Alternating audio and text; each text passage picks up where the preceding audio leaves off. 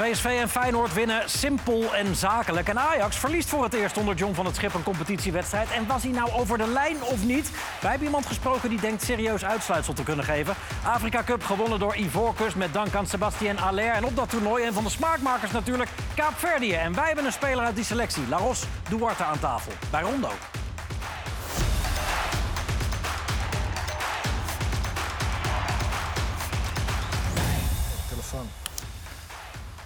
Goedenavond, van harte welkom eh, bij Rondo vanuit de studio in Hilversum met Marco van Basten. Telefoon op tijd nog Goedenavond. uit. Heel goed. Eh Juri, Ah, ik heb hem ook uit. zomer in je bol. Wat zeg je? Korte mouwtjes, de Ja, zomer. ja, ja, ja. dat- Ja, het is lekker weer buiten, toch? Ja. Of niet? Nee, uitstekend. Ja, oké. Ja, terwijl het gewoon carnavalstijd Ik kom is. net van de Afrika Cup, hè? Ja, hij heeft veel Afrika Cup Ja, gekeken. ik, ja, ik zit helemaal in de, in de, ja, in de zomerse sfeer. Ja, nee, uitstekend. En zo, ja. Eh, ben jij gevlucht voor het carnaval of uitgecarnavald al? Eh, geen van beide, gewoon eh, genegeerd. Oh ja? Ja, ja. Limburger in Brabant woonachtig, maar het, het hoeft allemaal niet. Nou ja, ze zijn gisteren met de optocht voor mijn deur langsgekomen, dus toen kon ik het even niet ontwijken. Maar als het kan, eh, Ik laat snap ik, dat het, laat niet ik het links liggen. Ja? Ja? Ja. Nee, ik snap dat. Nou, als ik in, in- uit Limburg zou komen of in eh, Noord-Brabant, Ja. dan zou ik wel... eh, eh, Daar begint het al. Hè. Als je uit Limburg komt, dan vind je carnaval in Brabant al niks. Mhm. Ja, dan hebben we het al. Hè. Maar carnaval in Limburg vind je wel dat. Ik vond dat vroeger wel leuk, ja. dat maar dat is ook anders dan Ja, eh, dat is echt compleet anders. Noord-Brabant en, Ja, echt, Limburg. eh, dit- dit- dit- ja, dit- Is een totaal- Voor mij zijn het compleet verschillende feesten. Ander feest. De Ja, ene ja. is Sinterklaas en de andere is eh, kerstmis of zo. Ja, nou ja, in zekere zin wel. Ja, ja, Ja. ja. ja, ja, Ik, ja, ja, in- bijvoorbeeld, Ke- zelfs in Limburg is het heel verschillend. Hè. In Maastricht en Kerkrade is een wereld van verschil carnaval. Maar ja, in Brabant, ja, goed, iedereen heeft een zwart jasje aan en een sjaal om. En, eh, ja, ze doen hun best maar. Ja. Ik ben bang dat ik trouwens dadelijk niet meer terug mag. Nee, nee, je wordt bij, bij de rivier, eh, bij de brug word je gewoon tegengehouden. Ja. Tot zover het carnavalsjournaal. Hoewel, in, in Rotterdam, waar jij vandaan komt, eh, eh, zomercarnaval altijd. Zomercarnaval wel, ja. Ja. ja. dat wel. Heb je dat vaak gedaan? Eh, nee, toen ik wat jonger was heb ik wel een keertje in de stad eh, meegelopen, soort van. Maar dat is, ja, dat is ook wel mooi hoor. Ja. Maar eh, hoe ik carnaval ken is vooral bijvoorbeeld in Kaapverdi ook en eh, bijvoorbeeld hoe het in Brazilië is en zo. Dat is ook rond deze Oh, tijd. ja. Dat is wel een stuk mooier dan zomercarnaval. ja. Wat een week heb jij gehad. Nou, wat een weken eigenlijk. Ja, eigenlijk wel. Ik heb, eh, het was ook de eerste keer dat ik zo lang van huis was, 35 dagen. Maar ik moet zeggen dat het wel eh, zeker de mooiste tijd is eh, die ik heb meegemaakt. Ja, kwartfinale gehaald met Kaapverdië. Ver- verrassend genoeg op de Afrika Cup. Vervol- vervolgens kom je thuis. weer een strafschopperserie met Ja. Groningen. Halve finale beker gehaald. Zeker, ja. Nu tegenover Van Basten bij Rondo. Het is een, Ja, eh, ik moet zeggen, ja, ik heb niks te klagen. Nee. We nemen geen penalty vandaag. Nee, ik heb het goed. eh, ja, leuke tijd gehad inderdaad. En eh, wat je zegt, ik moest gelijk, eh, gelijk weer een kwartfinale spelen. En ik ben blij dat we die wel hebben gewonnen. Ja, nou, dit was het feest. Want uiteindelijk hebben jullie feestelijke gevoelens overgehouden, denk ik wel. Zeker. Aan het toernooi. Eh, want het was nogal boven verwachting, toch, hoe jullie gepresteerd hebben? Ja, eigenlijk wel. Eigenlijk wel. Ik denk dat eh, niemand had verwacht dat we zo ver zouden komen. En stiekem eh, ja, voelden wij toch wel dat, het, dat we wel iets verder konden komen nog. Maar ja, helaas. eh, helaas. Ja, dit ziet eruit als een vriendenteam. Ja, je dat? zo voelt het ook. Echt een, eh, het is meer familie eigenlijk. En voor mij was het natuurlijk de eerste keer. Dus eh, ja, voor mij was alles nog nieuw. Maar ik denk dat het voor hun eh, nog veel mooier moet voelen. Ja. Welke taal spreken jullie als jullie in de kleedkamer zijn? Portugees eigenlijk. Portugees? Ja, Creool zeg maar, dus eh, Portugees. Maar er wordt ook veel Frans gesproken voor jongens uit Frankrijk. Maar het is vooral, eh ja, Kaapverdiaans is eigenlijk een... eh, ja, Maar spreek je Portugees? Jawel, niet heel goed. Maar eh, ik kan eh, iedereen wel verstaan daar. En ik heb mezelf ook wel verstaanbaar kunnen maken. Dus Oké. het ging goed, ja. Ja, je, je speelt twee penalty-series in een paar dagen. Toch, toch had je misschien liever die ene gewonnen dan de andere, of niet? Want want je wint met Groningen en je verliest er met Kaapverdië. Ja, zeker. Ja. Ik hoop niet dat Groningers eh, boos zullen worden. Maar inderdaad, ik, eh, ik had liever eh, op de Afrika Cup de penalty-serie gewonnen. Dat wel. Ja, want dan was je halve finalist geweest met, met, met je land. Nu, Ja. nu ben je met je club, dat is ook mooi natuurlijk. Dat is zeker mooi, ja. Dat, Ja. eh, ik moet zeggen dat eh, ja, hier kwam wel wat meer emotie bij mezelf vrij dan ik dacht. En ik denk ook vooral met eh, die vorige penalty-serie nog in mijn achterhoofd. En ja, voor mijn broertje is dat precies andersom. Ja, die speelt Die bij Fortuna.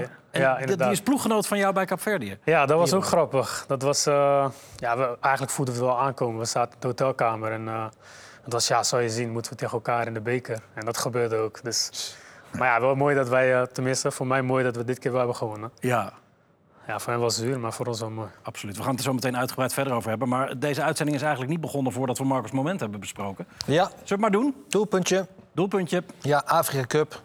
Meneer Haller, ja, dat was eh, de finale. hè. En eh, ik geloof net voor het einde, ja, hij maakte hem toch ook wel heel subtiel. Het is, eh, het is eventjes eh, de benen strekken, maar wel met het puntje net genoeg.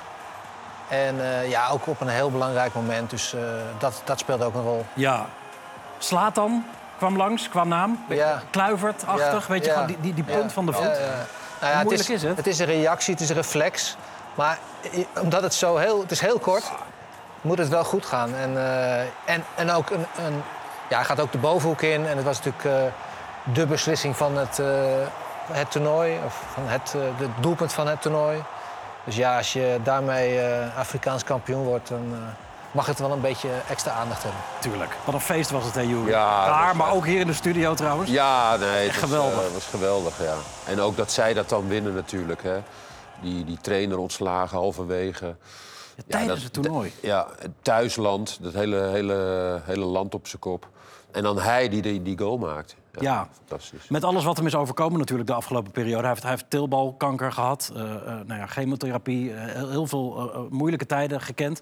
Teruggekeerd en nu dus namens zijn land matchwinner in de finale van de Afrika Cup. En dat leidt dan eh, tot dit soort hele emotionele tafereelen.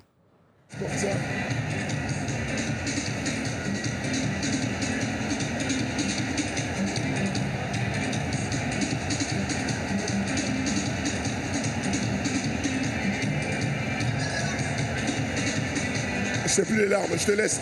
Mooi. Ja, prachtig die emotie bij Haller.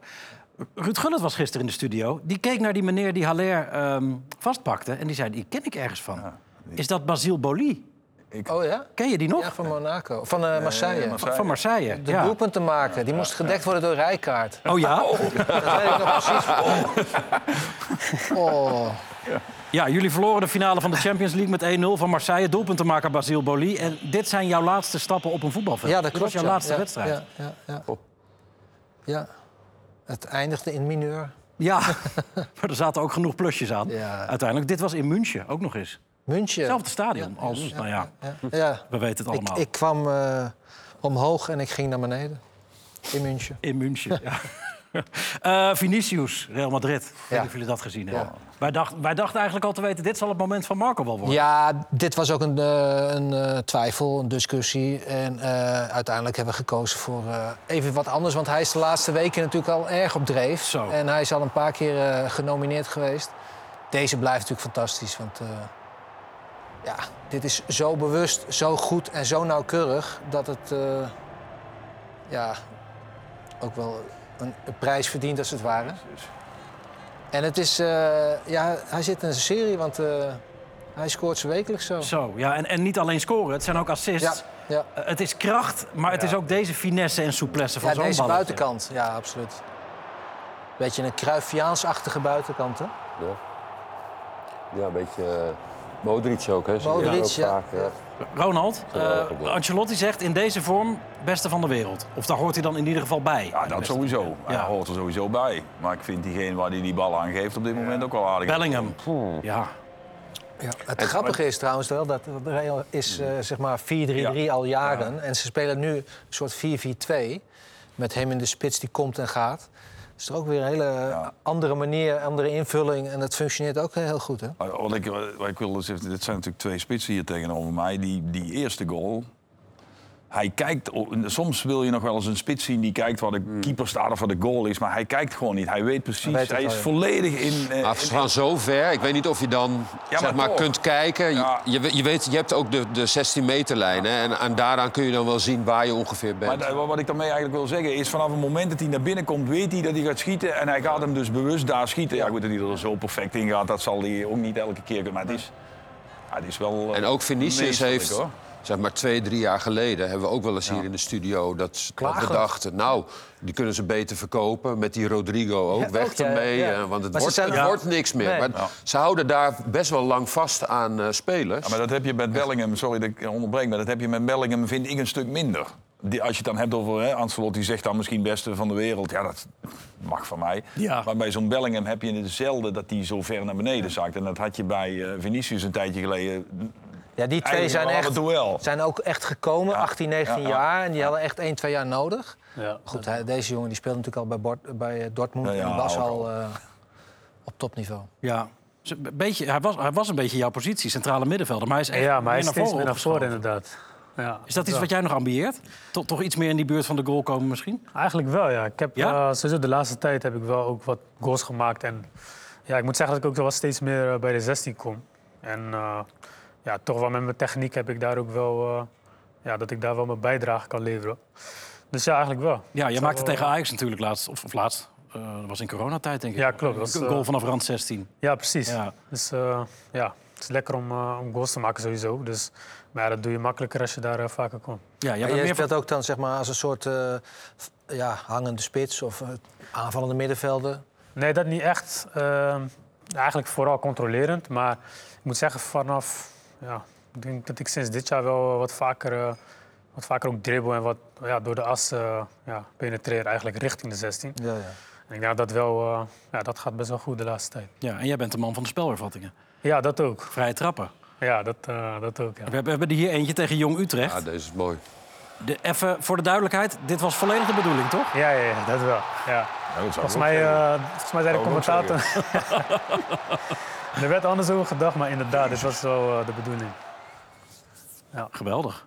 Het gekke is natuurlijk wel, ja, sorry dat ik er vanuit een ander perspectief naar kijk. Dat je eigenlijk weet dat hij er niet in kan, maar als je hem zo schiet, gaat hij er wel gewoon in. Hè? Dat was eh, Van Hooijdonk, Freiburg, geloof ik. Die, die was Ja, nog verder was dan zijlijn. Nee, maar gewoon het idee. Als- Ik bedoel- te zeggen, als keeper zit ik hier nu en denk, denk ja, die mag er niet in. Maar als je hem zo schiet, zo Juist. hard en zo precies en die zo valt, ja, dan gaat hij er bij 9 van de 10 toch waarschijnlijk gewoon in. Maar dat is het denk ik Ja. Ik had wel ook het idee Ja. van, die keeper die verwacht sowieso niet dat ik hem nee. ga schieten. Ja, die Dus, keeper die, eh, die heeft natuurlijk zoveel Ja. hoofden voor zich... Ja, ja. dat je denkt van, daar moet ook niet... Dat is eigenlijk een beetje wat je net voor de uitzending zei. Vroeger kon je wat makkelijker schieten, staan er niet Ja. zoveel mensen voor je. Maar als een bal stil ligt, is dat wel makkelijker, want dan moeten ze minstens 9 meter van je afstaan. Ik heb, wil nog heel even terug naar Madrid trouwens. Want eh, hebben jullie wel eens een speler echt huilend van het veld af zien gaan?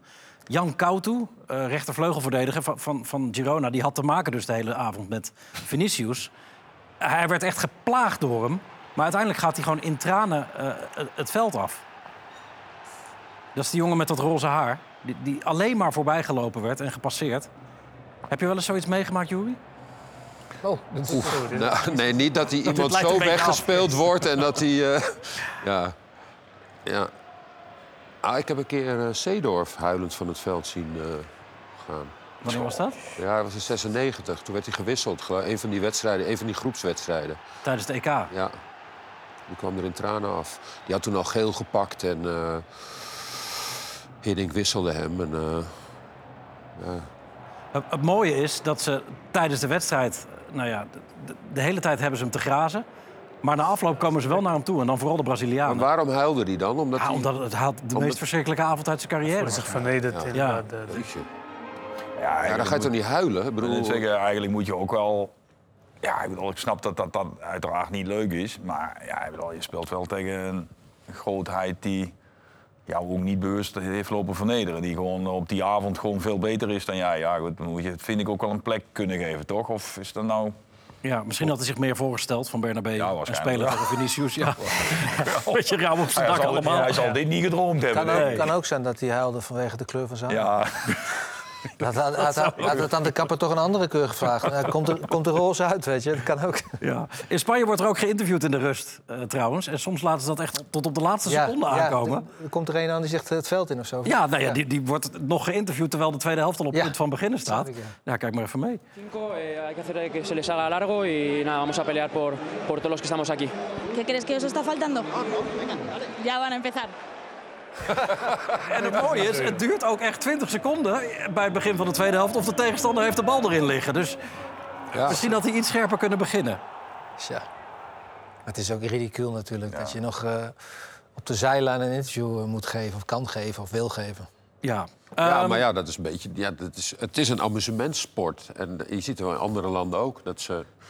Komt onze rechter weer aan. ja, maar is dat amusement, hè? Nee, wat, nou ja, goed, ja, nee, ik weet niet. Ja, die, sorry. zijn dat, nee, maar dat zijn de televisiebedrijven Ja, die, die die- willen daar. Ja, die bedoel. Die Ja, bedenken dat, maar ik Ja. kan me niet voorstellen dat je live... Eh, kun je je voorstellen dat je naar een wedstrijd live zit te kijken... en echt zit te wachten tot een speler nog wat zegt voordat hij het veld op gaat? Gewoon puur niet, als... nee.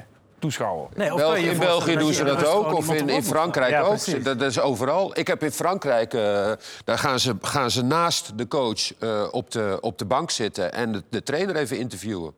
En waarom niet? Dupin, Duvin, Boursin. Wat, wat, voegt, Ja, wat is dat nou voor onzin? In Frankrijk. Ja, wat is dat nou onzin? Ja, nou ja. maar wat voegt dat toe? Ja, weet ik niet. Dat, ik zeg niet dat het iets toevoegt, maar dat zijn de, zeg maar, de televisiemensen die dat waarschijnlijk wel vinden. Ehm, gaat, een, eh, gaat een blauwe kaart iets toevoegen? Ja. Ja? Nee. Nou, ik, ik, eh, ik heb erover nagedacht. Ik weet niet eh, of ik... eh, maar ehm, het goede daarvan is... Ik denk dat namelijk wel eh, een goede regel is. Omdat het is goed dat je iemand even 10 minuten gewoon weer tot bedaren brengt. Het heeft alleen als consequentie dat eh, je zal dan ook effectieve speeltijd moeten gebruiken. Want die 10 minuten, die moeten wel strikt zijn. En je kan niet zeggen van nou, het is ongeveer 10 minuten. Want ja, eh, hoe lang is het dan? 9,5 minuut. Bal gaat eruit. Ja, tijdrekken natuurlijk. tijdrekken, mensen gaan op de grond liggen, et cetera, et cetera. En ik ben voor effectieve speeltijd. Dus eigenlijk ben ik dus ook voor de blauwe kaart. Ja. Eh, voor de duidelijkheid, er komt misschien een kaart tussen geel en rood in. Die is blauw en als je die krijgt, dan moet je er 10 minuten uit. Eh, en voor een keeper schijnt het zo te zijn dat als hij hem krijgt... dat je gewoon echt vette pech hebt. Ja, maar, dan is het, maar, dan is, dat, maar dat is al een hele probleem met die blauwe kaart. Ik, ik ben wel voor het idee erachter. Ik ben tegen tijdstraffen. Volgens mij gaat daar gewoon een ploeg 10 minuten voor de, zijn bus parkeren... en daarna voetballen ze gewoon weer verder. Dus ik denk dat de attractiviteit niet ten goede Maar goed, komt. je gaat natuurlijk geen voordeel hebben van 10 man. Nee, dat, Nee, dat is dus, een dus beetje mijn uiteindelijk moet je natuurlijk wel... Ik denk dat je met gele en rode kaarten al een hele hoop kunt oplossen. Wij hebben volgens mij die discussie ook al eens gehad. Je zou van tevoren, voor de wedstrijd, een soort van designated player kunnen aanwijzen. Meestal de aanvoerder zou je kunnen zeggen. Die is de enige speler die nog met de scheidsrechter mag communiceren. Elke andere speler die dat doet, krijgt gewoon meteen geel. Dat betekent dat je de rest van de wedstrijd op eieren loopt. Dan, als je nog een keer geel krijgt, moet je eraf. En wat ik dan inderdaad met die blauwe kaart zit ik met de keeper te denken... ja, dan eh, wat, wat doen we daarmee? Keeper wisselen?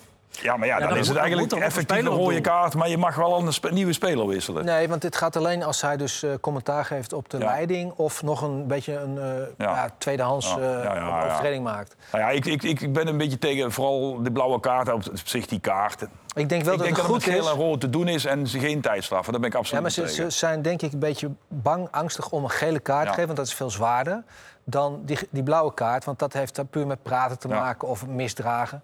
Een nadeel van die, die Ja. waarom wij dat spelbederf zo erg vinden... dat vinden we heel vaak pas aan het eind van de wedstrijd. Ja, het wordt steeds erger, want het Ja, ja. eindigt... Want dan wordt het Ja. erger, lijkt het wel. Maar dat is natuurlijk onzin eigenlijk. Als je dat al We hebben, een, we hebben een paar voor- voorbeelden inderdaad eventjes bij elkaar gezocht van dit weekend. Hier een jongen in België die eh, gewoon t- terug het veld inrolt. Terwijl hij er geblesseerd buiten ligt. Zou- dit blauw waardig zijn? Zo van, ga, dan, ga dan maar 10 minuten erbuiten liggen. Ja, maar waarom kun je die jongen nou niet gewoon geel, Geel geven? geven. Wat is daar nou ook gewoon? Dat geel is geven? Puur spel. Dat- heel dat- geen consequenties heeft natuurlijk verder. Nou, als je Nou, nog, nog een tweede... Er stond nu 16 minuten gespeeld. De komende 74 minuten mag hij niks meer doen, dan moet hij eraf. Ja. Dat wel. Ja, hoe, eh, ja, sorry, hoe ervaren jullie dat momenteel? Heb, je, heb jij het idee dat er op het veld iets extra's nodig is om het spel beter te maken? Ja, ik snap wel dat, dat vooral voor scheidsrechters dat het wel echt eh, vervelend kan zijn. Maar ik denk, ja, wat hij zegt met geel kan je denk ik nog best wel veel oplossen. Ja, dit, blijft denk ik altijd wel een, eh, een moeilijk dingetje. Want natuurlijk ga je, als het kan, ga je er gebruik van maken zolang het niet zo zwaar wordt bestraft. Dus ja, wie weet is het iets. Maar ik denk dat je met geel wel gewoon veel kan, eh, kan Ja. oplossen. Ja. Er er hing er bijvoorbeeld ook weer eentje aan Bobby, zoals iedere week. Voor de rest laten we Bobby enigszins met rust. Maar het lijkt wel alsof hij een trekhaak heeft. Ja, ik vind dit ook... Dit is toch gewoon een rode kaart? Het heeft niks met voetbal te maken. Blauw, anders? Nee, nee dit is... Dit, Maar dit- iets tussen geel en rood Ja, in. ja, dat vind ik wel. Dit, Maar ik vind, het, ik vind het zelfs rood, omdat... Kijk, totaal helemaal niks om een bal te spelen. Ja, dat is, als je dus niet met voetballen bezighoudt... dit is niet met voetballen bezighouden, wel het is een rode kaart. Wat, wat ik ermee vind van- van die... En puur bewust ook nog. die ehm, rode kaarten die zeg van vaak in het begin van de wedstrijd. Hè, we hebben bijvoorbeeld zo'n eh, toen met Leeman in die Champions League finale. Hè, die, zeg maar, na 10 minuten werd hij eruit gestuurd. Ja, Dat was ook niet echt een rode kaart. Oh, dat is deze. Ja. Ja. Hè, dus, dus dan is die wedstrijd gelijk kapot hier, Ro- Ronaldinho. En hij komt eruit. En hij, weet je wel, het is een soort, het is een, een voetbalmoment. Hij is te laat. Maar ik weet niet hoeveelste minuut het was. het is ook een, zes ro- of zo dan. Het is een rode kaart. Maar hier zou denk ik een tijdstraf denk ik wel een goede oplossing zijn. Omdat je dan de wedstrijd niet helemaal kapot maakt. Kijk, ja, ja het is, moet dit rood zijn? Dat is, vol- volgens de regels is dat zo. Omdat het anders een doelpunt was geweest. Maar dan, maar dan, maar dan zou misschien... Maar het was een doelpunt. Als hij gewoon door laat Ja, hem daarna. De ideale oplossing hier was gewoon geweest Eigenlijk 1-0. gewoon, Ja, ja. Ja. Maar ja, goed, nee, maar goed. dat maar het een gaat een beetje om te om, stel dat ze hem er niet hadden ingeschoten. Nu is de rode kaart, wedstrijd kapot. Ja, Kijken klopt. 100 miljoen mensen naar zo'n Een wedstrijd. goede vriend van jou, toch, Leeman? Ja. Heeft het hem ooit nog losgelaten, dit trouwens? Want ze verliezen hem uiteindelijk. Eh, jawel, jawel, jawel. Want daarna heeft hij nog wel... Hij heeft het WK eh, eh, toen... eh, WK was die echt eh weergeloos toen. Ja. En dat was hier nog zeker twee, drie jaar na dit fragment. had laatst wel een kleine rechtszaak aan de broek. Want hij heeft eh, bij, in zijn huis bij, eh, eh, in München... heeft hij het, eh, de, de, de schuur van zijn buurman heeft hij dwarsbalken van doorgezaagd... omdat hij het uitzicht versperde op een meer. Oké. 650.000 euro boete, geloof ik, voor gekregen. Hij vloog toch ook altijd met de helikopter toen hij bij Stuttgart. Ja. ja. Maar ja, alle keepers zijn een beetje... Ja, daarom. Ik, ik, ik, Ja. voel- ik voelde hem. Vraag. ik voelde hem op het moment dat hij in mijn hoofd kwam. Maar goed. Ja, jij kent hem van Schalke Ja, ja, ja, ja, Hoe sta je tegenover spelbederf trouwens? Zou- je daar blauwe kaarten voor eh, kunnen geven? Wegtrappen van de bal? Of... Dat is, daar, is het, Misschien wel, ja. Ja. daar is het voor. Dat, is- dat, het is met, met name dat soort dingen. Dus verkeerde dingen zeggen tegen de scheidsrechter. En bal wegtrappen, tijdrekken, dat soort eh, lullige dingen. Ja. ja. Nou, we, we hebben een voorbeeld namelijk. Van het wegtrappen van de bal. Dus dit is blauw. Koningsblauw. Nog wel. Ja. Altijd, altijd zo recalcitrant, hè? Nog wel met rechts, Jury. ja, maar ik dacht, ik schiet hem even lekker op goal. Jury Mulder. Goed, hij scoorde ook nog in die wedstrijd. Ja, hij scoorde. Won tegen ook nog van Arsenal, ja. In de Champions League. Goed, PSV wint, komt achter eh, na een minuut. Maar had er eigenlijk helemaal geen last van eh, verder.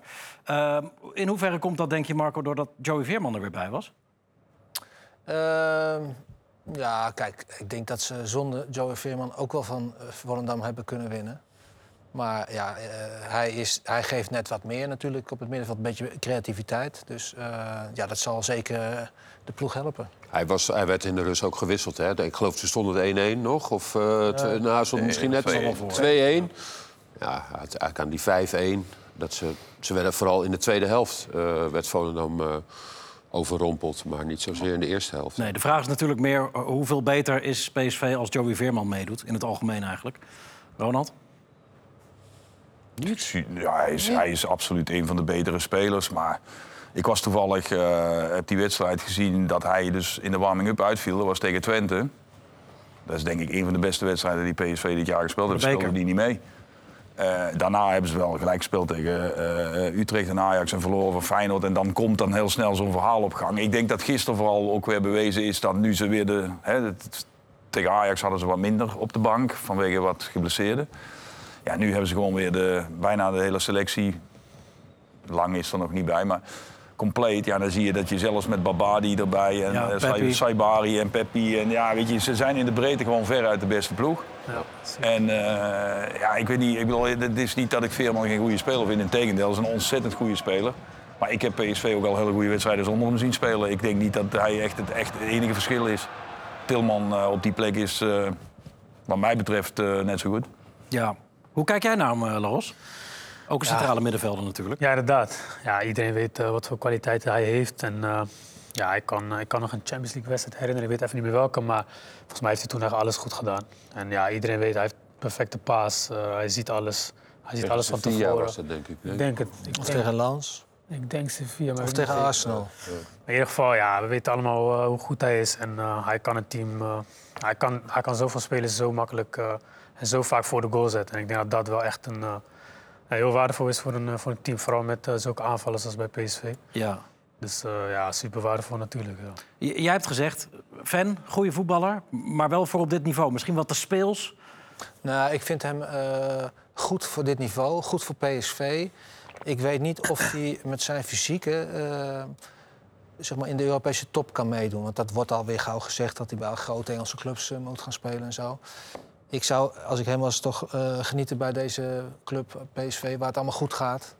En eh, toch maar eens eh, rustig aan doen om het nog een één of twee jaar eh, gewoon in Nederland te houden. Ja. Voordat je naar het buitenland gaat. Niet, niet te snel naar het buitenland. We hebben hem gesproken vandaag. Eh, onze verslaggever Mark eh, Neven was in eh, Eindhoven. En hij legt hem onder andere voor wat jij in oktober over hem gezegd hebt. Dus goede voetballer, maar misschien iets te speels. En daar reageert hij heel volwassen op. De speels? Ja, heb je gezegd toen. Ja, ik, ik had bijvoorbeeld tegen Sevilla thuis.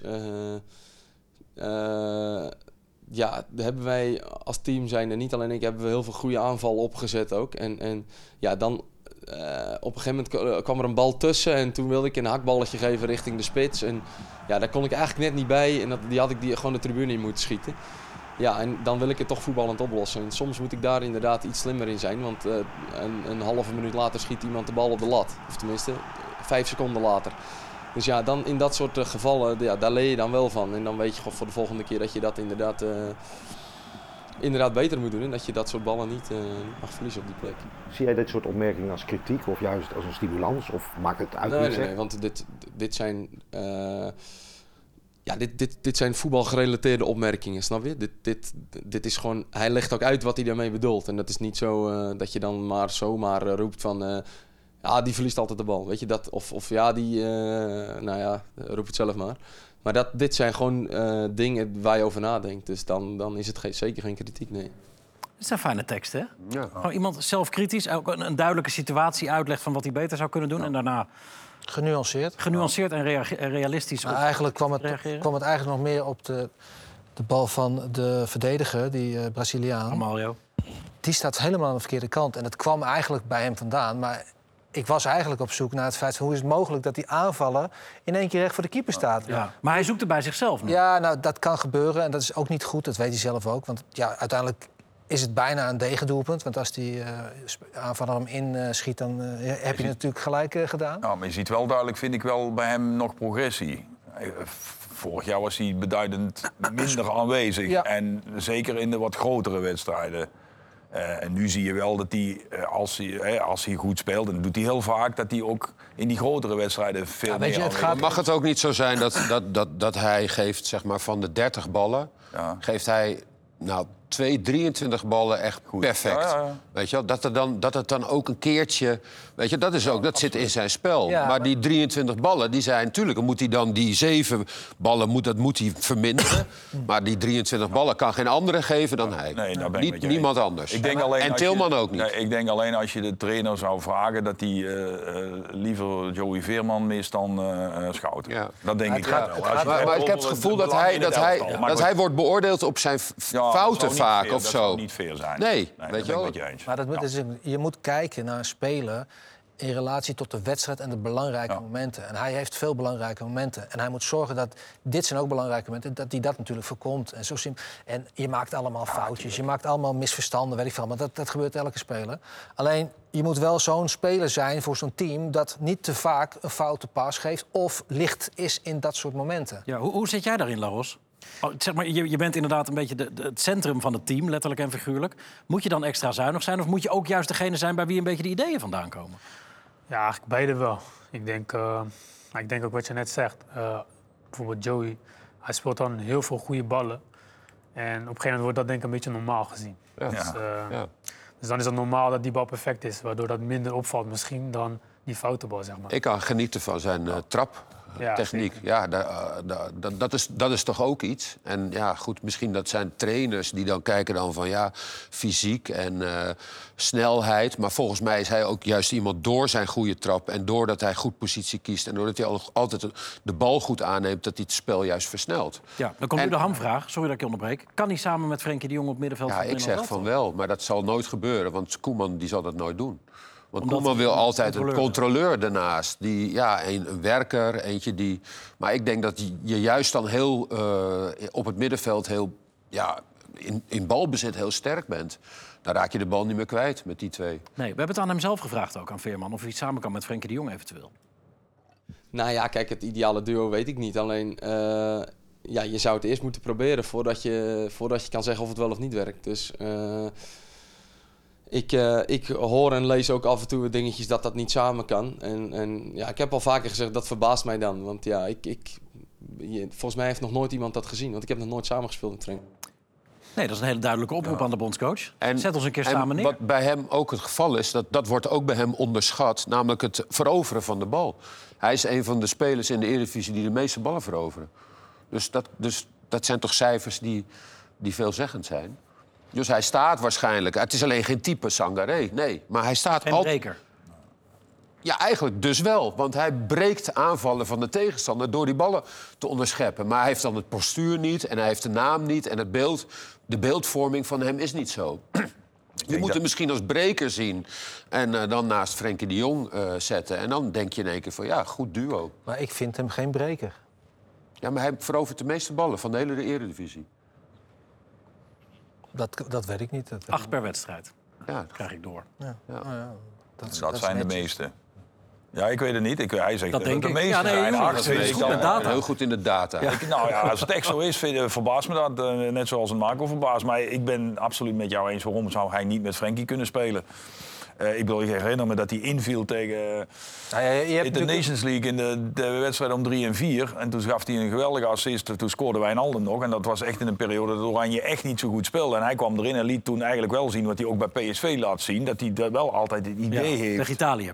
Ja, wat, ja toch? Ja. De vraag is natuurlijk, eh, je speelt niet met z'n tweeën op het middenveld, toch? Dus je Nee, maar speelt goed, met Frenkie, maar dan moet, je hebt er toch drie meestal? Nou ja, het, is een soort 4 eh, of 3-4-3 natuurlijk. Dus je hebt, je hebt een centraal duo op het middenveld. Eh, en dan drie aanvallers daarvoor en die wingbacks ernaast. Dus je, je, je moet Je eigenlijk dan in één 3-4-3. koppel op het middenveld denken. Ja. 3-4-3 spelen, Ja. centraal duo. Ja. Oké. Hoe belangrijk is dat? Als je, als je zelf, jij, jij bent ook een, een voetballende centrale middenvelder natuurlijk. Ze zeggen ook wel, ja, goede voetballers die kunnen altijd en overal met elkaar. Maar heb je als enigszins creatieveling op het middenveld echt iemand nodig naast je die juist als golfbreker kan fungeren? Ik moet zeggen, het is wel lekker dat als jij als creatieveling iemand naast je hebt die echt een breker is of die heel veel ballen verovert. Ja, dan dat is wel, dat geeft wel meer vrijheid voor jou zeg maar, om echt de creatieveling te zijn. Dus ja, ik vind het persoonlijk wel lekker om, eh, om naast mij. eh, maar ja, het is lekker als je met z'n drieën speelt, want dan kan je beide hebben. Maar in principe, ja, iemand die een soort van de ballen voor jou afpakt en eh, ze aan jou geeft, zeg maar, dat is denk ik wel, dat is het fijnst voor mij als creatieveling. Ja, want als je dat niet hebt, dan word je dus zelf eh, ook enorm beteugeld. Ja, en dan kom je zelf ook wat meer in het verdedigende. Wat, wat bijvoorbeeld, ja, wat vaak niet de kracht is van een eh, creatieve speler. Dat is bijvoorbeeld ook veel minder mijn kracht. Dus ja, het is lekker als je daar toch wat minder, eh, ja, minder vaak de verdedigende acties hoeft uit te voeren. Dus ja, daarmee heb je denk ik wel iets meer balans. Dat wel. Ja. Wie ligt er op pole position nu dan eigenlijk voor die plek naast Frenkie de Jong? Ja, is dat dan of Reinders, hè, Schouten? waarschijnlijk. Reinders? Reinders, denk ik. Ja, die, eh, die heeft het goed denk ook gedaan. Schout is ook goed, toch? Ja, Schouten, Maar. Reinders doet het bij Milan geweldig natuurlijk. Eh, eh, Schouten, Koolmeiners. Het is ook wel een positie. Maar- dat is misschien ook een beetje maar- een nadeel van Veerman. Je hebt er zoveel eh, smaken. Maar, maar we zeggen dus, eh, eh, Veerman is fysiek niet geschikt daarvoor, voor die rol, maar Schouten wel. Wij zeiden dat niet. Nee, maar, Het werd eh, geopperd. nou ja, als, nee, maar als we het over Ja, Schouten ja, hebben, die is Schouten- fysiek... eh, Ja, die is- minder. Toch, ik eigenlijk? ben Ik, ik vind eens. Schouten vind ik verdedigend Ja, eh, meer ja. doen. Kijk, maar Schouten heeft bijvoorbeeld wel twee jaar Serie A eh, op zijn cv staan... waarin hij heel, heel erg zijn mannetje heeft kunnen staan. Ja.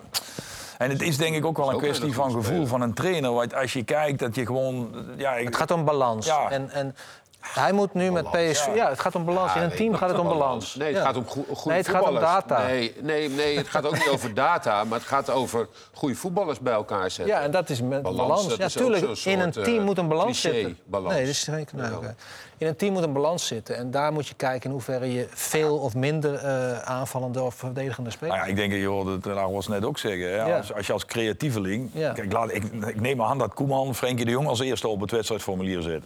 Toch? Mhm. Nou ja, dan is het toch wel fijn als hij ook weet, zoals hij dat ook zegt... dat het voor zo'n creatieve speler toch fijn is als er mensen om hem heen staan... die af en toe eens een keer een stootje voor hem opvangen. Ja, je En hebt dan nog twee centrale verdedigers. een Drie trainer- centrale verdedigers erachter. Ja, En een keeper. Dan heb je nog backs, dan heb je nog een keeper, keeper. weet ik veel. Dus dat zit op voor balans jongens. genoeg, toch? Ja. Beetje balans. Ja, Ja, duidelijk. Sorry, Half balans. ja. Nee, Marco is een soort brugklasser vandaag. jij hebt bij PSV gespeeld, bij Jong PSV. Zeker, hoe hoe ja. vaak kijk jij naar ze en denk je... ja, maar daar had ik ook gewoon kunnen slash moeten lopen? Ja, dat, dat ik toen wel heel veel. Maar ik moet zeggen, nu ik wat ouder ben, dat laat je wel op een gegeven moment los. Maar ja, dat had ik eh, in die fase wel. Toen ik net eh, toen ik naar Sparta ging bijvoorbeeld, dan zie je toch wel jongens van jouw leeftijd of jongens die jonger zijn, dat die wel doorbreken. Ja, dat doet wel wat met je, maar tegelijkertijd, ik besef ook wel dat iedereen heeft zijn eigen weg. En eh, er zijn meerdere wegen die naar Rome leiden. Dus eh, daar gewoon op vertrouwen. Ja, het, het, het, ding is natuurlijk ook dat jij van Sparta aan dacht... een stap omhoog te zetten naar FC Groningen. En nu in de KKD speelt. Ehm, terwijl je, Ja. ook als je dat van mensen om je heen hoort... waarschijnlijk het idee hebt dat je in de subtop eredivisie had moeten spelen nu. Ja, dat wel. En het eerste jaar was ook... eh, ik denk dat dat een heel mooi, eh, mooi jaar was voor mij. En kijken, volgens mij waren we uiteindelijk nog 14e geëindigd, dacht ik. 12e, 14e.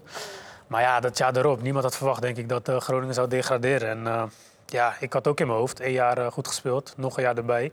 En wie weet wat voor mooie transfer je dan kan maken. En ja, helaas heeft dat helemaal niet zo uitgepakt als dat ik hoopte. Nee. Nee.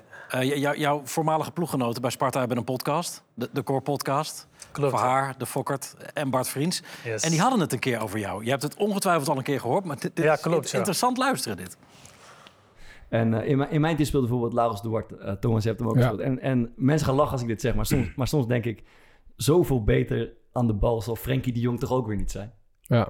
Eh, herken je daar iets van nog niet? ja, ik vind hem gruwelijk. Ja, maar dus gewoon, en ik heb het over zijn, over, zijn, over zijn visie, over zijn pasen met rechts en links. Ja. Over zijn gevoel voor tijd en ruimte. Het nadert perfectie in het, Ja. in, het, eh, in, het, eh, in het gevoel voor tijd en ruimte. Pasen, Ja, ja. juiste kleur spelen, juiste been Ja, je ziet wat iemand spelen bij je club Ja. gewoon en dan denk je, het, het, inderdaad, het kan niet veel beter zijn dan Ja. dit aan de bal. En- Ja, dat gaat over jou.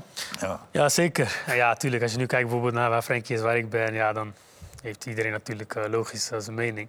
Maar ja, ik, ik vond het wel mooi hoe hij dat heeft gezegd. En eh, ja, dat is wel zo. Je hebt wel altijd op de training iemand waarvan je zegt van, ja, die is veel beter dan dat mensen denken. En het was wel mooi dat hij dat zo over mij eh, kon vertellen. Ja. Ja. Maar ben jij beter dan veel mensen denken? Ik denk het wel. Ik denk dat ik, ja, ik denk dat ik wel ook beter ben dan ik zelf denk. En dat is ook vaak mijn probleem geweest.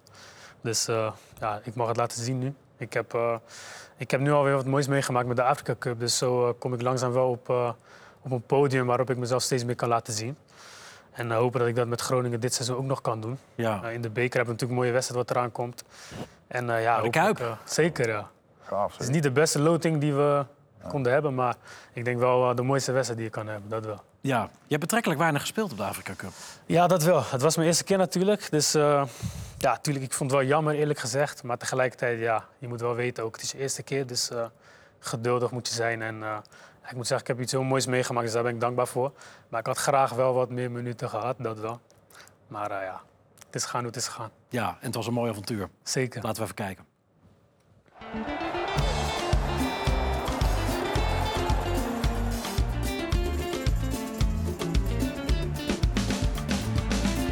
En nu is het wel raak voor Gary Rodriguez. Ja, ik weet niet. Het ligt veel meer dan dat mensen denken, denk ik. Dat, eh, dat heb ik wel gezien.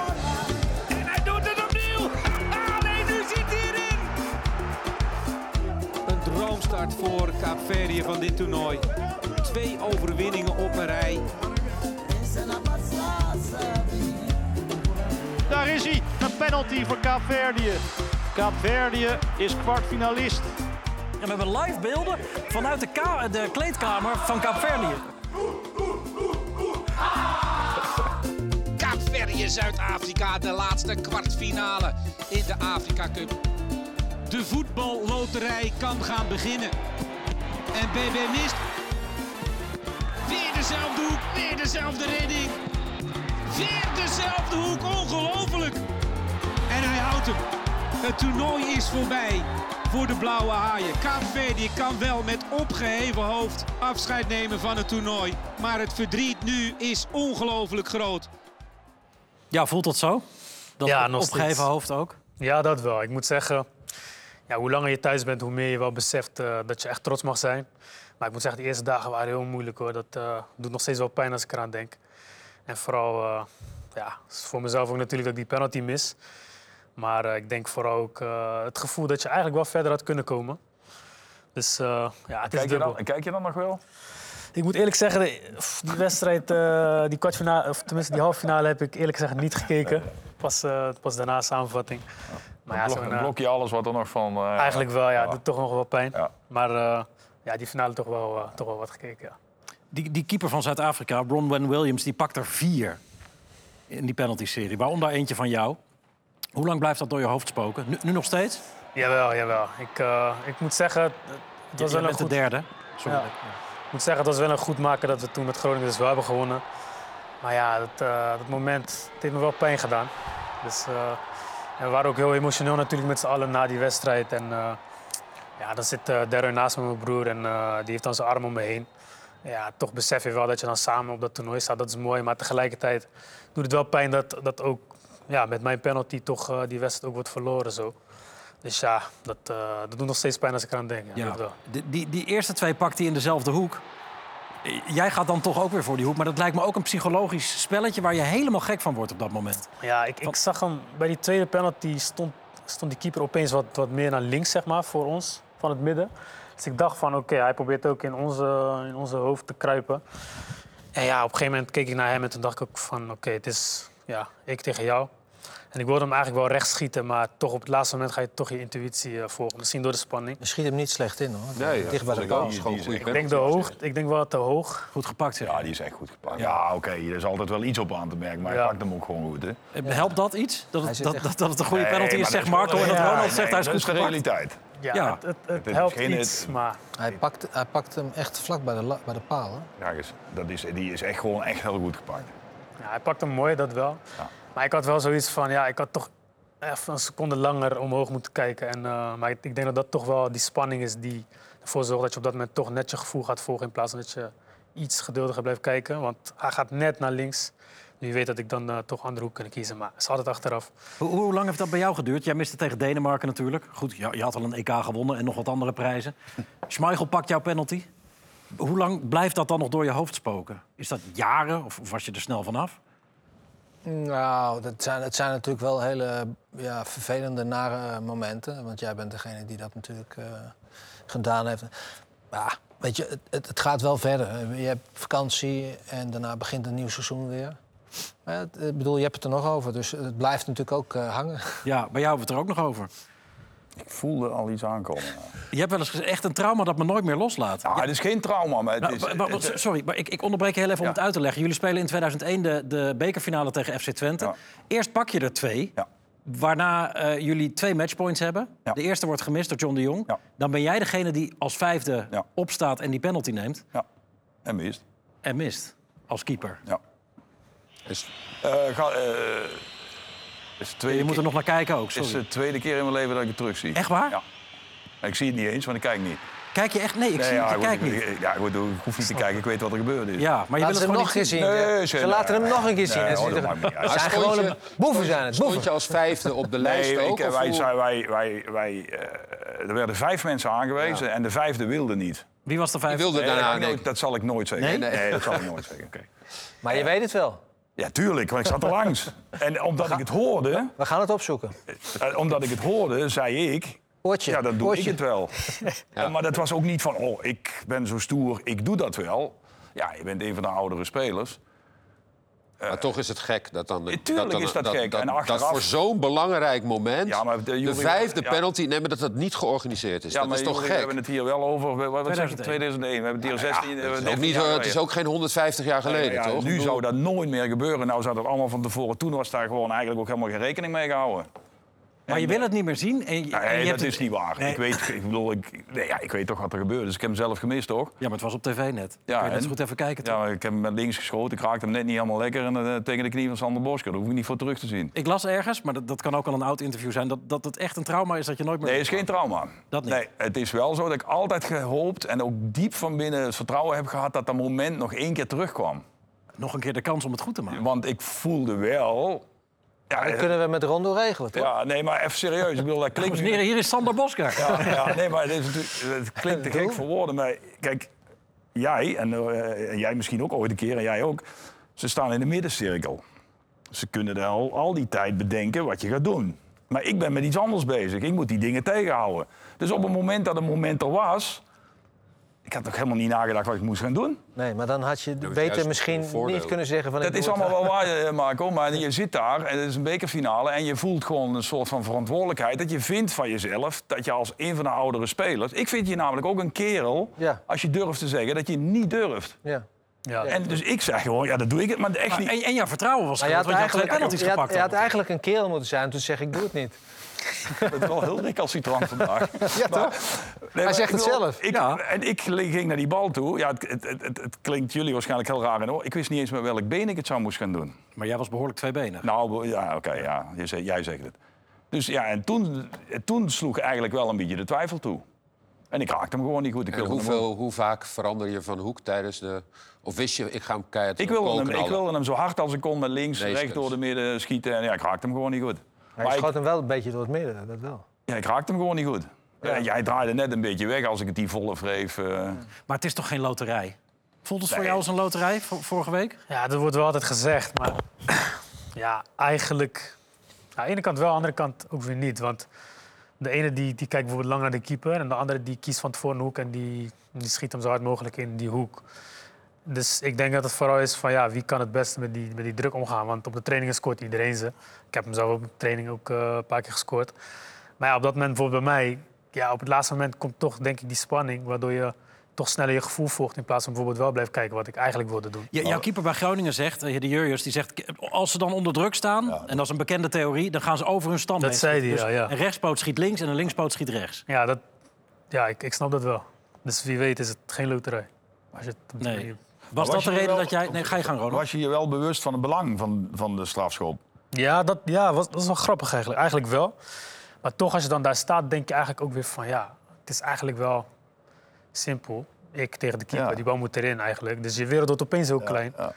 Maar als je hem dan mist, dan besef je eigenlijk wel weer hoe groot de Ja, wereld ja is. maar als je mist. Maar als je Dat want had jij dat ook? Ik bedoel, eh, het be- ja, jij, jij hebt veel finales en zo gespeeld. Maar het feit dat je daar staat, eh, dat het belang wat je gaat doen zo groot is... stond je daar toen bij stil?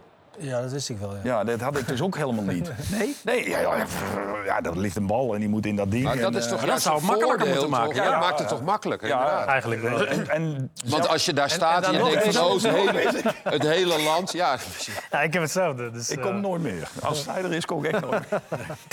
Dat is goed, hè, vandaag. Ja, leuk. Ja. Eh, to- toch was het eh, een hoogtepunt, het hele toernooi, zei je Zeker, al. Met, ja. met je debuut dan denk ik als hoogtepunt van het hoogtepunt. Ja, dat wel. Ja, we, hadden, eh, we hadden een oefenwedstrijd eh, nog voor dit toernooi in Tunesië.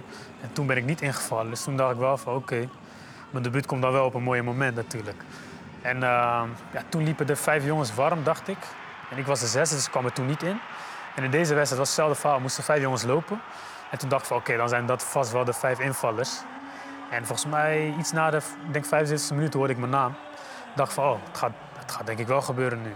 En dan voel je op een gegeven moment wel die spanning, weet je. En eigenlijk twee minuten daarna werd ik gelijk teruggeroepen dat ik erin moest. eh. en ja, dat ging wel heel snel. En toen besefte ik wel van, hé, hey, dit is wel echt mijn debuut nu.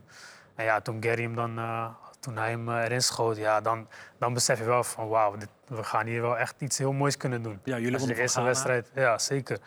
En ja, dat was fantastisch hoe we dat hebben gevierd de hele avond en die dagen daarna ook nog. Dus ja, dat was wel het mooiste moment. Ja. Ja, hoe, was het in Kaapverdië? Want iedereen moest natuurlijk terug naar zijn, naar, naar zijn clubs en zijn ploegen. En niemand naar Kaapverdië terug dan dus? Nee, nee, iedereen ging weer gelijk terug naar, eh, naar zijn club. En ja, daar is wel nog wat, eh, wat over gezegd vanuit de groep. Omdat blijkbaar werd er wel gecommuniceerd dat we daar naartoe zouden gaan. Dus, eh, en dat is dan niet gebeurd. Dus ja, ik weet niet eens in hoeverre ik dit allemaal kan delen, maar is prima.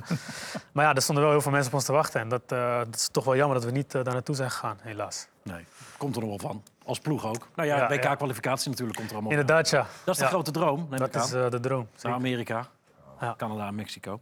Eh, wij gaan even terug naar Nederland. Marco, Ja. Ajax, Ja, zeg het maar. mooi hè? Ja, nou, Ik heb niet gekeken. pardon? Ik, heb niet gekeken. ik zat eh, bij de finale van de squashkampioenschappen. Was dat ook leuk? Dat was ook Nederlands Ja? kampioenschap. Jori, Ajax. Nou, ik wou het eigenlijk niet over Ajax hebben, maar over Heerenveen. Mag- die, mag ook. die, die speelde geweldig tegen Ajax. En ja, die grepen ze vanaf het begin bij de keel. En, en, en die joegen ze af en lieten Ajax totaal niet in het spel. Omdat ze ook wisten, oké, je moet de mensen die de bal hebben geen tijd geven. Want die kunnen dan rustig Brobby inspelen. En dat is natuurlijk het grote gevaar en bijna het enige gevaar bij, eh, bij Ajax. Eh, Bergwijn deed niet mee. En eh, ja, je ziet het hier wel, hè. Dus die, die, die, die spelers van Heerenveen heel erg, ja, heel erg agressief. Maar ook om het dan toch nog even over Ajax te hebben. Kijk, je ziet hier Suterlo, die is weer een beetje aan het schutteren. Die gaat dan in het middenveld doordekken. Dan is hij te laat in het midden. Dan laat hij hem zo weer uit zijn rug lopen van Amersfoort. ja, dat soort goals kreeg weer Ajax wel weer iets te makkelijk tegen. Alleen ja, eh, eh, het lag vooral aan Heerenveen dat, dat, eh, dat Ajax verloor dan, dan aan Ajax zelf. Ja, dus PSV en Feyenoord hadden het ook hier heel zwaar gehad, zeg jij. Ja, nou nee, want die, dat zijn betere ploegen dan Ajax. In hoeverre valt het dan tegen als je ze een- week eerder tegen PSV zag, 1-1? Ja. Dat, dat leek weer op wat kleur op de wangen. Henderson erbij natuurlijk. Dat zou dan ook de boel wel weer op, op, de, op de rit zou, eh, krijgen. Dat valt dus nog wel tegen, Ronald. Ja, het viel in ieder geval niet mee. Kijk, als je nou, wat was het, 60 minuten met 3-0 achter staat... Dan, Nou, ja, dan meteen gaat- naar rust was Nee, dan meteen naar rust Ja, was ja, de derde, goal. zelfs al. Ja. Of zij maken na een uur eh 3-1. Nou ja, goed. Ze stonden in ieder geval met 3-0 achter. Ja, dan, dan kun je moeilijk spreken van dat je een goede wedstrijd gespeeld hebt. En inderdaad, ik ben het wel met Jury eens dat dat voornamelijk... Kijk, hier het afjagen, hè? Ja, dat dat toch echt voornamelijk aan, eh aan Heerenveen eh te wijten is. Of eh, te danken was. Dan moet ik wel bij deze goal ook wel echt zeggen... en, ik denk dat Marco het daar ook heel erg met mij over eens gaat zijn... dat eeuwige durende, maar blijven opbouwen. En de een brengt de ander nog meer in de problemen dan... Ik, bedoel, ik snap het als je, als je wil opbouwen, maar ik, moet je, hij mag ook wel een keer gewoon naar voren. Hè? Dan, zit, eh, dan moet ik Jury ook wel gelijk geven toen we het er straks over eh Joey Veerman hadden. Dan maakt hij een keer ergens een hakje. 80 meter van zijn eigen goal. Waar hij een bal mee verliest, die dan twee seconden of tien seconden later op de lat bij je eigen. Maar dit is toch veel erger. 20 meter, wat zeg ik, nog bijna op je eigen achterlijn en dan dat soort ballen gaan inspelen. En als je ze verliest, dan heb je, ben je... plus het feit dat ze ook niet goede spelers zijn. Ja, nou ja. Dus dat is ook nog eens niet zo handig. Doe, Nee, ja, je, dat, doe je dat nou met de achterhoede van Ajax van drie jaar geleden? Ja. Met de Martinez en met Blind en weet ik veel allemaal. Oké. Maar deze jongens die kunnen dat niet. Je, je, je, je, hebt, je brengt zo eigenlijk, inderdaad, wat Marco zegt, relatief beperkte spelers. Breng je zelf onder druk. En, en je staat dan al met 2-0 achter. En, en je weet dat die tegenstander jou vast is aan het zetten. Dat is toch vragen om problemen? Absoluut. Eh, was hij nou over de lijn of niet? Nou, volgens mij hebben we iemand daarvoor geraadpleegd, zei je net, hè? Ja, la- laten we eerst eventjes kijken. Want Ja? dan kunnen de Ja. mensen, die paar die het nog niet hebben gezien... Marco, misschien, eh, een oordeel vellen Ja, over of hij nou over de lijn was of niet. Uiteraard weten ze het bij Ajax zeker. Ik denk ook wel dat hij over de lijn was. Ja? Ja, ik heb wel. Kijk, je ziet hier die, die, die doellijn rechts naast die paal eigenlijk lopen, toch?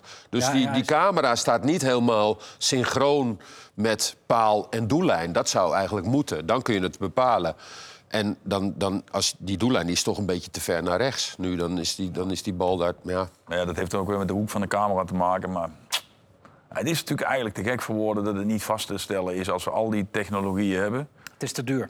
Ja, maar ja, dat, dan moet je die technologie... Ik ben er voorstander van, maar als die om wat voor reden dan ook niet gebruikt kan worden... in dit geval te duur, dan moet je hem ook weer helemaal afschaffen. Nou, oké, maar ze hebben nu dus niet die Hawkeye. Ja. Eh, ja, in de Champions League stadions in Nederland is hij er wel, maar mag hij niet gebruikt worden. Eh, en ze hebben nu een, een soort VAR-systeem, dus speciale camera's. Zoals die camera die we zien, waardoor we weten dat die lijn wat anders loopt. Normaal gesproken is dat genoeg op een incident als dit na. Dat, dat, is, dat is toch niet heel gek? Ja, maar ja, het, het, het, het is stel, stel dat dit de laatste wedstrijd van het seizoen is. Wil je toch ook niet op je geweten hebben? Nee. Alleen vanwege de kosten. Maar als je dan de kosten en de baten gaat afwegen... dan is, zijn de kosten ook weer eh, te verwaarlozen, lijkt me. Voor zover ik weet zijn de clubs hier wel mee akkoord gegaan. Ja. Dus, dus iedereen heeft zich dan de eigen... Nou ja, ik voel overigens wel zeggen, we kunnen er heel cynisch over doen. De, de, de, de reacties aan Ajax-zijde waren wel heel, eh, heel chic. Netjes toch? Heel Ja, chic. ja. Heel chic zelfs. Ja. Ik bedoel, het is heel makkelijk om dan het daarop eh, af te schuiven. Maar dat heeft eh, bij mij weten niemand gedaan. En dat is echt gewoon chic. Jury had een goed idee. Ja, ik had een keer bij, eh, op de Belgische tv iemand gezien. Dat is eh Lieven Sch- Scheren. En eh, hij gaat ook, eh, maakt ook een tour langs de theaters. En dat is wel leuk, want hij heeft het veel over voetbal. En hij is ook eh, fysicus. Dus hij bekijkt het dan vanuit een ja, natuurkundig oogpunt. Dus hij berekent wel of niet bal over de doellijn. Dat was een keer bij een wedstrijd in Brugge. Er was de bal wel of niet. En dan ging hij helemaal via de, via de schaduw en de, het raster van het net... ging hij berekenen of die bal wel of... Daar dacht ik aan en toen had ik het nummer even gegeven aan Ja. onze redacteur. En we hebben het hem eh, ook voor ons eventjes laten doen. Waarvoor heel veel dank. En daar komt hij. Als je twee foto's hebt uit twee verschillende hoeken van diezelfde situatie, dan kan je dat uitrekenen. Eventjes de theorie. Als dit de doellijn is, en dit is de bal die dan net erover is en net raakt. Ja, als je één camerastandpunt hebt, bijvoorbeeld frontaal, weet je niks. Want die bal die kan ook hier liggen, of hier, of hier, of hier. Maar als je twee camerastandpunten hebt, ook eentje van de zijkant, dan kan je gaan vergelijken wat de verhoudingen zijn tussen deze afstanden en deze afstanden. Als deze exact gelijk zijn, dan ligt deze bal net met, met zijn punt aan de doellijn. Maar als deze bijvoorbeeld kleiner is, dan wil dat zeggen dat dat punt hier verder voorbij ligt en dat de bal over de doellijn ligt. Dus daarmee ben ik aan de slag gegaan. Met prachtige stils, zoals deze hier. Volledige berekening van de drie punten. En dan hier ook nog eens, zo, beetje opgetekend, uitgerekend. En dan ook deze. Uit deze berekeningen blijkt hoogstwaarschijnlijk doelpunt. Zoals je kan zien aan deze cijfers. Die spreken voor zich, neem ik aan. Hier is geen twijfel mogelijk. Dus op basis van deze drie stils was het waarschijnlijk doelpunt. Ben ik daar zeker van? Nee. Er is beroep mogelijk tegen deze beslissing.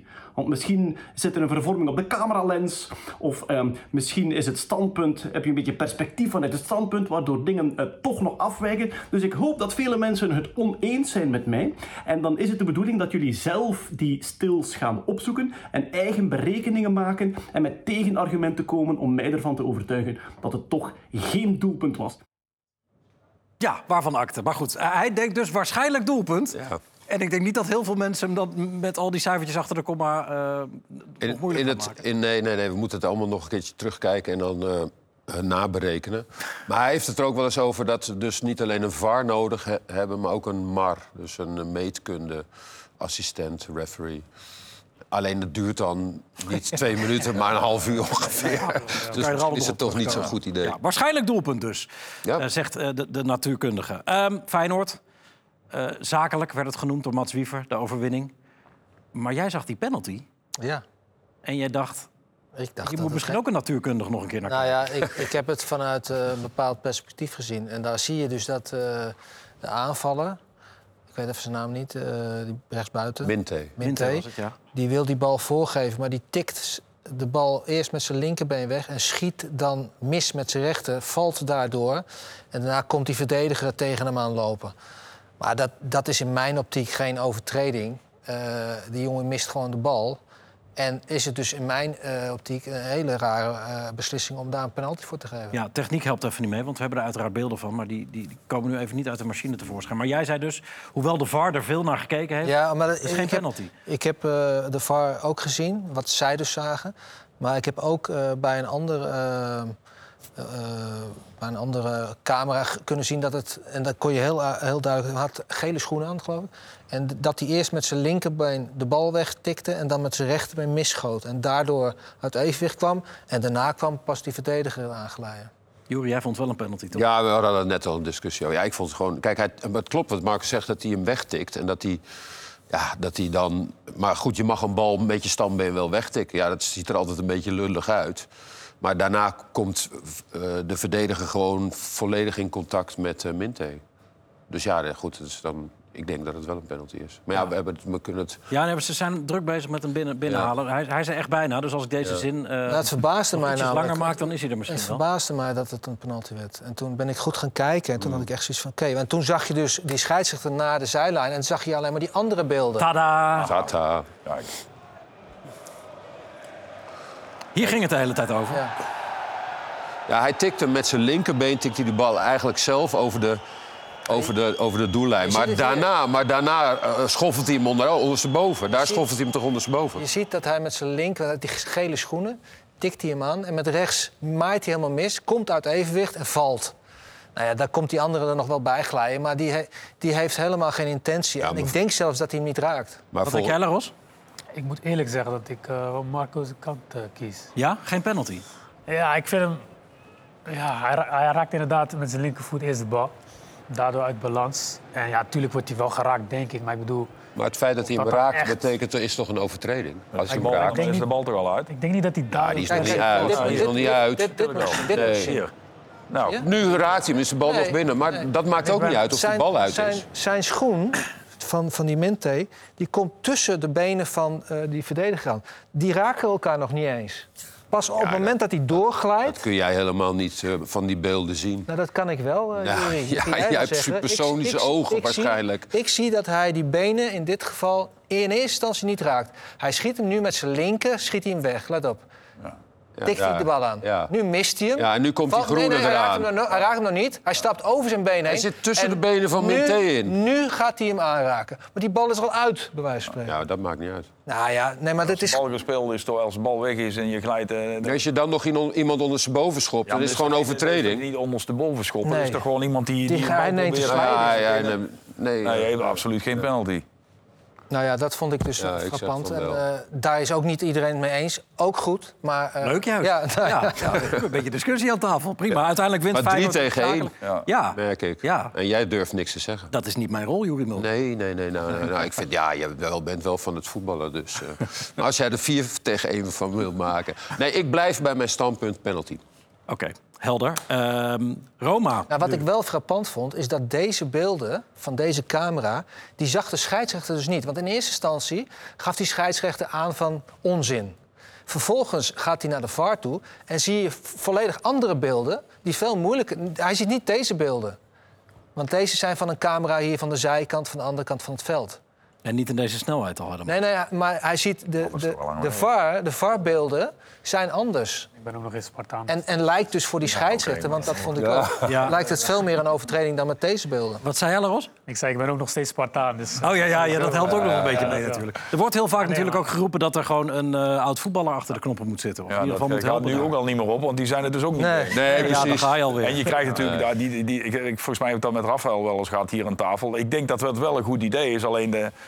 Ja, ja, ik bedoel, tel even alle clubs eh, op waar wij gespeeld hebben. Je hebt altijd wel weer... eh, eh, La Ros zegt nu ook weer, ik ben nog Spartaan. Ja, dat, Ja. dat gaat natuurlijk nooit Ja, onpartijdig kunnen zijn. Dat kan nooit. voorkeur, ja, dat klopt. Maar het zou denk ik wel puur voor de zakelijkheid van de beslissingen goed zijn.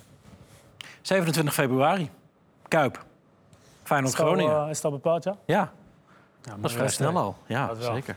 Ehm, Roma, is de Oppassen, vol- oppassen met de VAR en de scheidsrechter. Ja, ja, ja. Roma is de volgende tegenstander van Feyenoord. Aanstaande donderdag in de Europa League, eh, tussenronde. Eh, een ploeg die zonder Mourinho al- als een soort van bevrijd voetbalt. Dan heb je een manager of een trainer gehad die, die zoveel voor je heeft gewonnen, Ja. die, die zo'n cv heeft. En dan toch als hij weg is, voelt het opeens vrijer. Ja, ze verloor. Dit, kijk, ze kwamen wel voor. Dit is trouwens een mooi doelpunt. Zo. Het was een soort raakt- hij raakt optimistisch hem- verlies. raakt hem- Maar een optimistisch verlies, ja, dat is wel mooi ja. gezegd. Ja, maar eh, ze verloren wel van eh, Inter. Maar het, het, het- ja, ze spelen wat aanvallender. Hij spelen niet meer met die vijf. En eh, vijf verdedigers, ja. Dus 4-3 nu. Beetje een Haller-goal net, hè, lijkt Ja. het wel. Ook een mooi goal. Ja, maar volgens mij is het wel een eigen doelpunt, hoor, trouwens. Uiteindelijk was het een eigen goal. Ja, was een eigen goal, ja. Eh, hoe, hoe schat je de kansen in voor Feyenoord? Tegen dus Roma. Dat is een andere ploeg dan dat het onder Mourinho was. Ja, ik, ik, ik, ik denk dat wel Feyenoord wel een kans heeft. Alleen Feyenoord zit niet, ook niet in zijn allerbeste eh, Periode. periode. Nee. Dus, en goed, kijk, je ziet het hier wel in die foto. Lukaku, Dybala. Ja, eh, dat is, het is natuurlijk wel... Ja, Paredes erbij. Ja. Ook wel- die Nederlandse jongen, toch? Wat- Dien Huizen. Ja, Ja. Ja. Ja. Die loopt er ook bij. die is niet ingeschreven voor de Europa League. Maar die, die Nee. stond wel in de basis, heeft gescoord al. 18 jaar, gehuurd van Juve. Karsdorp Weer een goede centrale En verdediger erbij. Karel, Karel Ja, speelt eh, ook, toch? Dit is Dienhuizen. Ja. Zo. Zo. Beetje een de lichtachtige verschijning. Hoe oud is die eigenlijk? Hij is 18. 18. Over de licht gesproken, die speelt ook niet veel meer, toch? Die zat op de bank tegen Leverkusen. Eric Dyer stond op zijn plek. Was ook een hard gelach. Weet je wat wat een hard gelachen is? Als Bayern na tien jaar een keer geen kampioen wordt en Harry Kane dan eh Ja, kan naartoe. Die gaat, die gaat naar de ploeg met een abonnement op de titel. Behalve als hij. Ja. Terwijl die in het Als begin... je Als goed... trauma's hebt, hè? Nee, Ja, maar in hij scoort, begin hij scoort aan de lopende band nog steeds wel. Ja, nog steeds wel. Maar Ja, eh, Ja, Champions League kan ook nog voor Bayern natuurlijk. Het begint Ja, weer. ja. Eh, morgen de eerste wedstrijden in de Champions League. En, en woensdag en volgende week komt PSV in actie. Maar morgen is het City op bezoek bij Kopenhagen en Real Madrid. Waarschijnlijk zonder Jude Bellingham, want die is licht geblesseerd op bezoek bij eh Xavi Simons. Eh, en Leipzig. En op woensdag dan ook alweer twee eh, mooie wedstrijden. Ehm, even de grensverleggers. Even een slokje water nemen. Weet je nog, de coronapandemie? In het voorjaar van 2020 lag het voetbal echt overal stil... en moesten we dus iets verzinnen om toch nog over voetbal te kunnen praten. Dat werd tussen de palen en dat werd wat ons betreft hartstikke leuk. Nu, drie jaar later, dachten we, waarom niet gewoon weer opnieuw beginnen? En dat doen we, met allemaal topgasten uit de voetbalwereld. Kijk elke vrijdagavond naar Tussen de Palen op Ziggo Sport. Of zoek naar Tussen de Palen in je favoriete podcast-app. De eerste uitzendingen van het nieuwe seizoen staan al online... dus abonneer je op de feed om geen van de prachtige voetbalverhalen... uit Tussen de Palen te missen. Tussen de Palen, elke vrijdag op Ziggo Sport.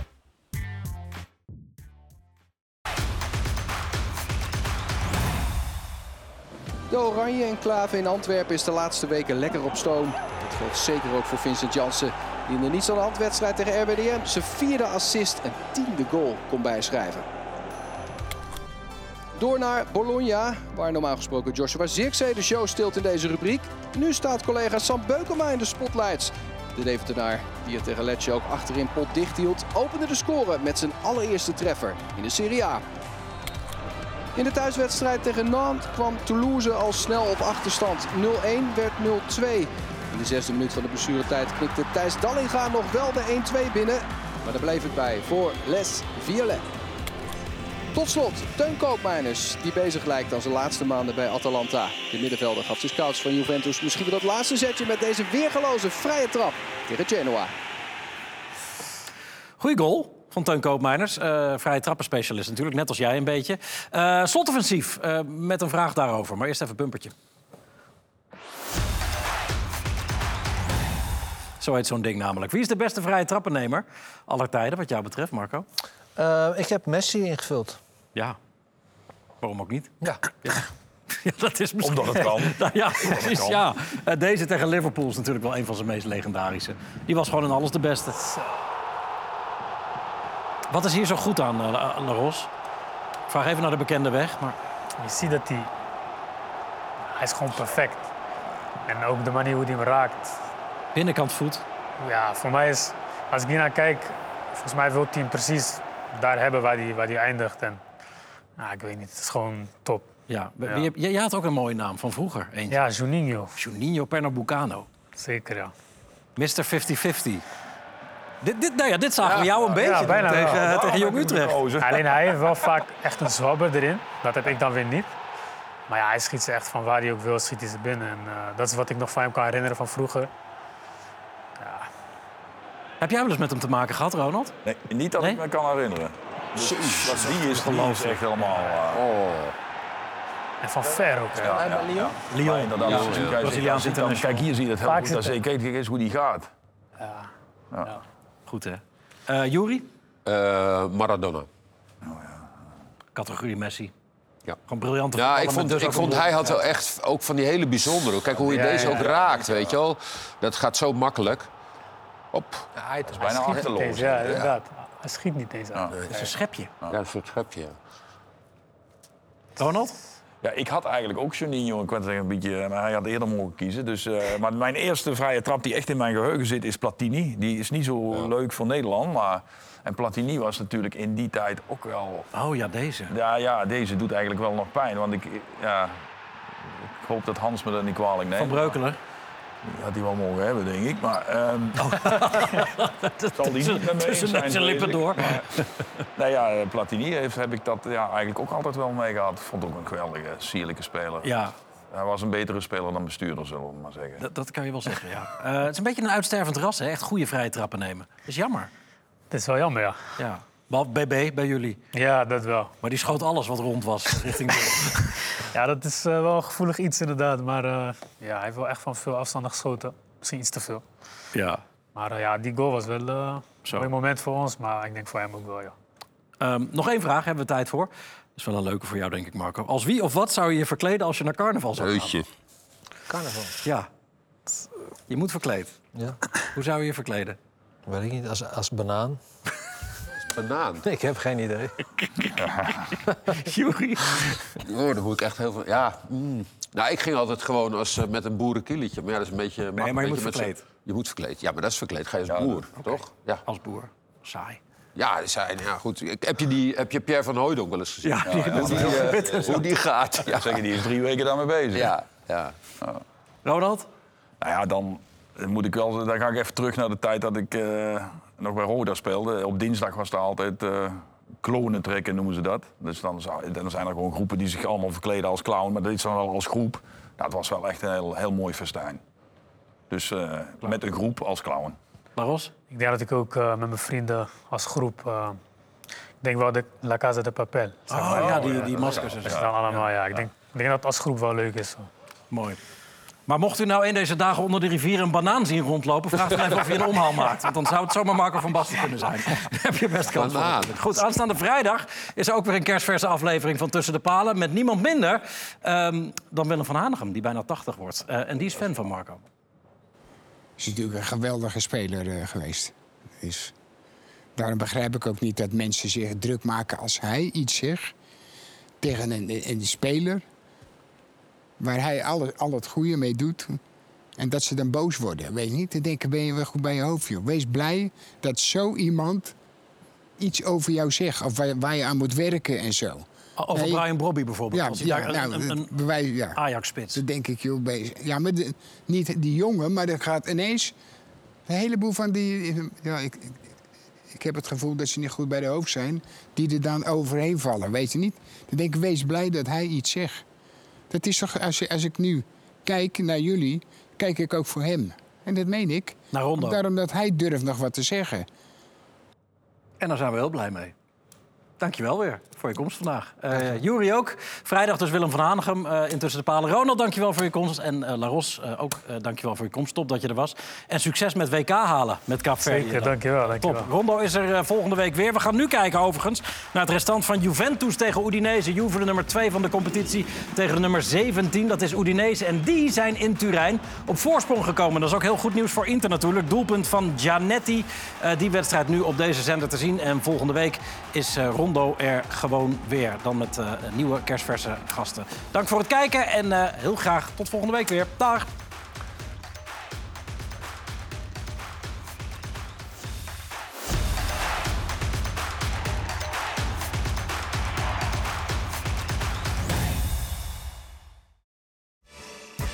Weet je nog, de coronapandemie? In het voorjaar van 2020 lag het voetbal echt overal stil... en moesten we dus iets verzinnen om toch nog over voetbal te kunnen praten. Dat werd tussen de palen en dat werd wat ons betreft hartstikke leuk.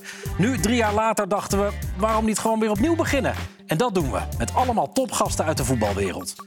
Kijk elke vrijdagavond naar Tussen de Palen op Ziggo Sport. Of zoek naar Tussen de Palen in je favoriete podcast-app. De eerste uitzendingen van het nieuwe seizoen staan al online... dus abonneer je op de feed om geen van de prachtige voetbalverhalen uit Tussen de Palen te missen. Tussen de Palen, elke vrijdag op Ziggo Sport.